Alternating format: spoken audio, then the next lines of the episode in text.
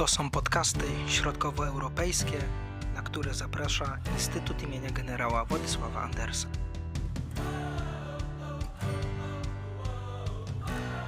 Dzień dobry, witamy wszystkich bardzo serdecznie w podcaście Instytutu imienia generała Władysława Poświęconego wybranym środowiskom polonijnym w Europie Środkowej. Nagranie związane jest z organizacją wydarzenia pod nazwą Polonijne Forum Środkowoeuropejskie, które odbędzie się w listopadzie w Lublinie, a nasze podcasty mają na celu przybliżenie Państwu informacji i dostarczenie pewnej dawki wiedzy na temat wybranych środowisk polonijnych w państwach tego regionu. Dzisiaj Rozmawiać będziemy o Bułgarii, a naszym gościem jest Michał Lewandowski, doktorant na Wydziale Prawa, Prawa Kanonicznego i Administracji Katolickiego Uniwersytetu Lubelskiego. Dzień dobry, witaj Michał.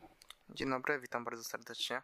Będziemy rozmawiać o Bułgarii, niezwykle ciekawy kraj, ciekawe państwo, do którego Polacy wielokrotnie udają się na wakacje. Niemniej jest to również miejsce, w którym środowiska polskie funkcjonują od jakiegoś już dłuższego czasu. Jakbyś mógł przybliżyć nam w ogóle historię obecności Polaków w tym państwie? Z ogromną przyjemnością. Do dnia dzisiejszego, jak powiemy słowo Bułgaria, wszyscy ją kojarzymy bardzo dobrze. Zazwyczaj są to złote piaski, wycieczki oraz malownicze krainy. Ale do połowy XIX wieku Bułgaria na terytorium Polski była w ogóle nieznana. Brało się to z tego, że Polacy nie interesowali się zbytnio tamtymi terenami, a informacje informacje. Pierwsze, jakie zaczęły dochodzić e, z tamtego terenu, to były informacje związane z tak zwanym kotłem bałkańskim, czyli różnego rodzaju wojnami, bitwami czy ruchami narodowo-wyzwoleńczymi z tamtych terenów ale pierwsza grupa Polaków znajdująca się na tamtych terenach ze względu na prowadzone wojny, słabości gospodarcze oraz nieprzyjemne powiedzmy stosunki, które zaczęły nagle panować na tamtych terenach, musieli oni w większości opuścić zamieszkałe przez siebie domy. I teraz obecna grupa Polaków, czy te obecne środowiska bardziej nawiązują do tego drugiego ruchu emigracyjnego, który znalazł się właśnie na terytorium Bułgarii, na, w państwie Bułgaria, ponieważ na podstawie traktatu berlińskiego z 1878 powstało księstwo Bułgarii i Bułgarzy nie posiadali zbyt dużej jakby liczby własnych obywateli czy osób potrafiących zbudować te całe systemy państwowe. I ciekawostka jest taka, moim zdaniem dość istotna, istotna, że w tamtym okresie właśnie postawiono na Polaków, rozsianych niemalże po całej Europie. Zaczęto ich sprowadzać do Polski oraz skorzystano z tej drugiej e, grupy koczowniczej, która znalazła się właśnie na tym terytorium, gdyż były to osoby z różnego rodzaju wojen, były to osoby, które wcześniej prowadziły swoje, powiedzmy na dzień dzisiejszy, firmy czy pewnego rodzaju kompanie na terytorium Turcji, ale też w pewnym okresie przychodzą pewne negatywne skutki ekonomiczne, gdzie niestety w pewnym regionie już nie można prowadzić swoich interesów, dlatego te osoby zaczęły się przenosić na terytorium Bułgarii. Bułgarzy też, jak już wspomniałem wcześniej, sami stwarzali takie warunki, czy nawet wyszukiwali Polaków, którzy mogliby ten ich cały aparat państwowy odtworzyć. Byli to lekarze, inżynierowie, prawnicy, naprawdę ogromny szereg ludzi, który ten aparat państwowy zaczął tak stawiać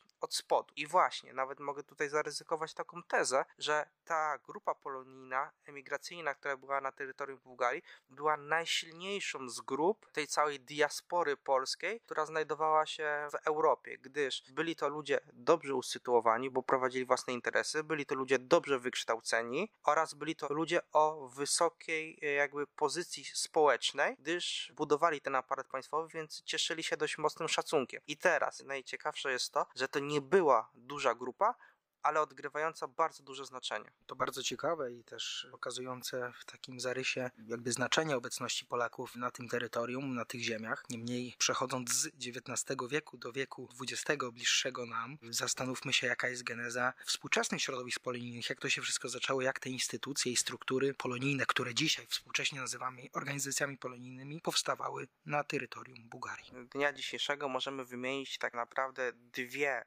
takie duże organizacje polonijne działające na e, terytorium Bułgarii. Jest to Polskie Stowarzyszenie Kulturalno-Oświatowe imienia e, Władysława Warneńczyka, powstałe po zarejestrowaniu w sądzie e, rejonowym w Bułgarii w 1984 roku oraz Polski Klub Warna, który odłączył się od PSKO w 2005 roku i działa na terytorium Warny. Prezesem zarządu Polskiego e, Stowarzyszenia Kulturalno-Oświatowego jest pani Maria Daszewska. Ciekawostką jest to, że e, to Polskie Stowarzyszenie Kulturalno-Oświatowe prowadzi swoją e, działalność na terytorium całej Bułgarii za pomocą swoich dziewięciu oddziałów, które znajdują się w różnych miejscowościach, a Polski Klub Warna jest bardziej taki skupiony na konkretnym miejscu, czyli na Warnie, gdzie prowadzi też swoją działalność. Jeśli chodzi o te poszczególne aktywności, właśnie wspomnianą działalność tych dwóch organizacji, jak moglibyśmy obszarowo albo kierunkowo określić funkcjonowanie tych środowisk? Znaczy, jakiego rodzaju to jest działalność przez nich prowadzona? Jest to na pewno działalność e, społeczna, chociaż na obecną chwilę przeprowadzania analizy ciężko jest do końca określić poszczególne działania, gdyż oba stowarzyszenia nie informują o tym na swoich mediach społecznościowych. Ale są to, rozumiem, wydarzenia społeczne, społeczno-kulturalne, związane przede wszystkim z promowaniem polskiej kultury, jak nie mam. Tak, zgadza się jak najbardziej. Mamy te dwie organizacje i zastanówmy się, bo wydaje nam się, że jest to ciekawa kwestia, jakie wyglądają kanały komunikacji, w jaki sposób te organizacje się komunikują, w jaki sposób prezentują informacje na swój temat. Była wspomniana informacja o stronach internetowych, ale może jeszcze widzimy inne obszary informowania opinii publicznej, także Polaków zamieszkałych w Bułgarii na temat y, ich działalności. Na terytorium Bułgarii niestety nie działają polskie media, które mogłyby e, w jakimś takim szerokim stopniu przedstawiać informacje, czy to dotyczące inicjatywy Trójmorza, czy jakby o samym życiu Polaków, czy działalności polskiej e, na terytorium Bułgarii, ale Polacy jakby utworzyli dość e, prężnie działające grupki informacyjne na na Facebooku, gdzie następuje bardzo duża wymiana informacyjna. I to nie jest wymiana dotycząca jakby tylko y, obostrzeń covidowych, tylko tego, gdzie możemy na przykład wynająć sobie mieszkanie, y, kto wynajmuje, gdzie najlepiej spędzić wakacje, albo jakichś ofert turystycznych, ale są to w rzeczywistości na przykład oferty pracy, oferty współprac, które jakby, y, czy oferty działalności, które Polacy prowadzą na terytorium Bułgarii, bo to, co też trzeba podkreślić, że polski biznes bardzo dobrze sobie radzi na tamtych terenach. Mimo, że to są dla nas, możemy to tak nazwać, dość mocno y, dziewicze tereny pod tym zakresem, to polscy przedsiębiorcy coraz bardziej uderzają w tamtym kierunku i naprawdę bardzo, bardzo dobrze sobie radzą. Jeżeli jesteśmy przy polskich przedsiębiorcach, to zanim bezpośrednio zajmiemy się może wymianą gospodarczą pomiędzy Polską a Bułgarią, to zastanówmy się chwileczkę, jak wyglądają połączenia infrastrukturalne pomiędzy oboma państwami, bo wydaje nam się, że jeśli chodzi o y, mobilność ludności i także funkcjonowanie Polaków w Bułgarii, no te kwestie infrastrukturalne mogą odgrywać kluczową rolę i także mogą być czynnikiem, który powoduje pewnego rodzaju decyzję o osiedlaniu się w tym państwie. Oczywiście nie musi być to czynnik determinujący. Także jak wygląda sytuacja, jeśli chodzi o infrastrukturę w tym zakresie? Więc odnosząc się do infrastruktury, nie jest najlepsza, a mimo to polski biznes sobie radzi bardzo dobrze. A dlaczego nie jest najlepsza? Ponieważ pomiędzy Polską a Bułgarią nie ma żadnej bezpośredniej drogi ekspresowej, nie ma żadnej bezpośredniej autostrady czy też e, linii kolejowej. Jeśli przeszliśmy byśmy na przykład do linii lotniczych, to na tym punkcie to też nie wygląda niestety najciekawiej. No, obecną chwilę loty bezpośrednie e, można odbyć z Warszawy tylko do Sofii, a jeśli chce się do pozostałych miast, jak na przykład Płodiw, Bergas, to niestety nie jest to możliwe bezpośrednio, ale tylko wyłącznie za pomocą przesiadki. Inaczej to wygląda trochę takich normalnych, powiedzmy, czasach niekowidowych oraz e, w tym okresie letnim, bo wtedy Wizard oraz Ryanair prowadzą także w sezonie letnim bezpośrednie e, transport lotniczy do Berga, Bergas oraz e, Warny. Ale przechodząc do dróg szybkiego ruchu oraz autostrad. Bułgarzy posiadają bardzo dobrze rozwinięty e, transport na swoim terytorium, podobnie jak Polska. Mam tu na myśli różnego rodzaju ciężarówki, e, samochody dostawcze, czy takie usługi tra transportowe, gdzie które wspomagają tą całą wymianę gospodarczą. I właśnie ten głównie czynnik determinuje dość mocną wymianę gospodarczą pomiędzy naszymi krajami, gdyż e, podróż z Warszawy do Sofii w Bułgarii zajmuje ponad 16 godzin, bo jest to trasa licząca 1617 km i trzeba przejechać przez Czechy, y, Słowację, Serbię, a nie na przykład jak mogłoby się to odbywać w sposób dużo łatwiejszy, gdzie zakłada trasa Via Carpatia, dlatego tak ważne jest rozwinięcie tej inicjatywy, e, która wspomogłaby tą całą wymianę gospodarczą, która szłaby bezpośrednio przez Słowację, Rumunię do Bułgarii, bo o wiele bardziej przyspieszyłaby e, ten cały transport, ale mimo tak dużych trudności, które się odbywają na, na tej trasie, to nasza wymiana gospodarcza, współpraca odbywa się naprawdę na bardzo dobrym poziomie i Polacy sobie radzą w tym zakresie też bardzo dobrze. Ale jeszcze jedną rzecz, którą należy opisać, jest wymiana kolejowa, o której bardzo często się zapomina. Na obecną chwilę, tak samo z Warszawy do Bułgarii, pociągiem jechałoby się około 44 godzin i trzeba byłoby odbyć ponad 5 przesiadek, a w najmniejszym stopniu jest to 5 przesiadek. Ale samo zaznaczenie, że 44 godziny podróży do Bułgarii, do kraju, który no relatywnie nie znajduje się tak daleko od nas, no jest dość e, powiedzmy no tragicznym jeśli możemy to tak delikatnie określić. I w mojej opinii ważnym by było, że obok budowy dróg szybkiego ruchu, które wchodziłyby w skład Via Carpati, ważne również byłoby pobudowanie kolei łączącej tutaj nasze kraje, ponieważ to po pierwsze usprawniłoby wymianę e, ludnościową, przyspieszyłoby podróżowanie, ale nie tylko na linii Polska-Bułgaria, ale także pomiędzy krajami, przez które ta kolej by przechodziła. Jak najbardziej, to są postulaty, które, które gdzieś tam od, od dekad są podnoszone i to nie tylko w kontekście Bułgarii, w ogóle jeżeli chodzi o połączoność e, różnego rodzaju tras w Europie Środkowej, Środkowo-Wschodniej. I jak tutaj wspomniałeś, te kwestie infrastrukturalne mają ogromne znaczenie w zakresie wymiany gospodarczej, współpracy handlowej. Zatem jak moglibyśmy określić stan tych relacji gospodarczych pomiędzy Polską a Bułgarią? Stosunki gospodarcze pomiędzy Polską i Bułgarią można jednoznacznie odnotować jako bardzo dobre, gdyż nawet te pierwsze miesiące pokowidowe pokazały nam, że wymiana gospodarcza jest naprawdę bardzo potrzebna nie tylko dla części bułgarskiej, ale także e, dla naszej. Wzrost e, co do poprzedniego roku wyniósł E, wymiany gospodarczej około 688 milionów euro, ale tylko w, w, licząc pierwsze 4 miesiące. To jest naprawdę bardzo, bardzo e, dobry wynik. I teraz e, przechodząc do tego bezpośredniego polskiego biznesu, na co należy zwrócić uwagę. Bułgaria jest nadal krajem dość mocno rozwijającym się. Ich infrastruktura wewnątrz kraju nie jest na zbyt wysokim poziomie, ale oni teraz dostają e, dość mocne wsparcie e, z Unii Europejskiej na cały ten rozwój infrastrukturalny, rozwój przemysłowy. I właśnie nie tylko w tym zakresie powinniśmy uderzać, czy też rozwijać się, do czego jest jakby cała ta działalność polskich e, przedsiębiorstw prowadzona, ale także wymiana gospodarcza odbywa się między innymi takimi produktami przetworzonymi, czy nawet produktami żywnościowymi pomiędzy naszymi krajami i naprawdę ma to dość duże znaczenie dla naszych krajów i jest naprawdę na bardzo dobrym poziomie, a Polska wychodzi na tej wymianie pod względem eksportu, można określić znakomicie.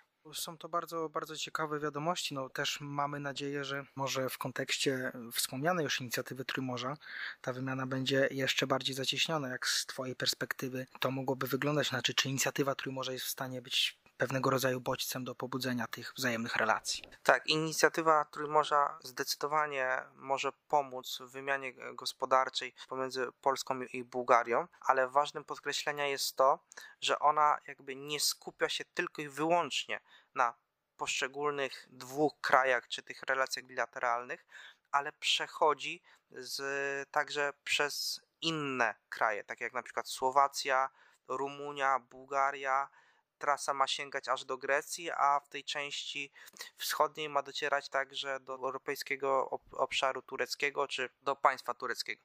I to jest bardzo ważne, że ona przechodzi ze swoim takim przesłaniem czy tym takim odniesieniem do bardzo, bardzo wielu państw. I to, że ona by zdecydowanie zwiększyła wymianę gospodarczą pomiędzy naszymi krajami, ponieważ chociażby te ciężarówki nie musiałyby jechać 16 godzin, na kolej nie było trzeba poświęcić 44 godzin, samoloty jakby bezpośrednio by lądowały na terytorium Bułgarii czy w poszczególnych miastach, a nie byłoby trzeba się co chwilę przesiadać, to ona nie tyle wspomaga wymianę bilateralną pomiędzy dwoma państwami, ale ma ogromne znaczenie dla całego regionu i prowadzi wymianę i, czy wspomaganie poszczególnych rozwojów gospodarczych też takich e, mniejszych państw, przez które będzie przechodziła czy dotyczyła.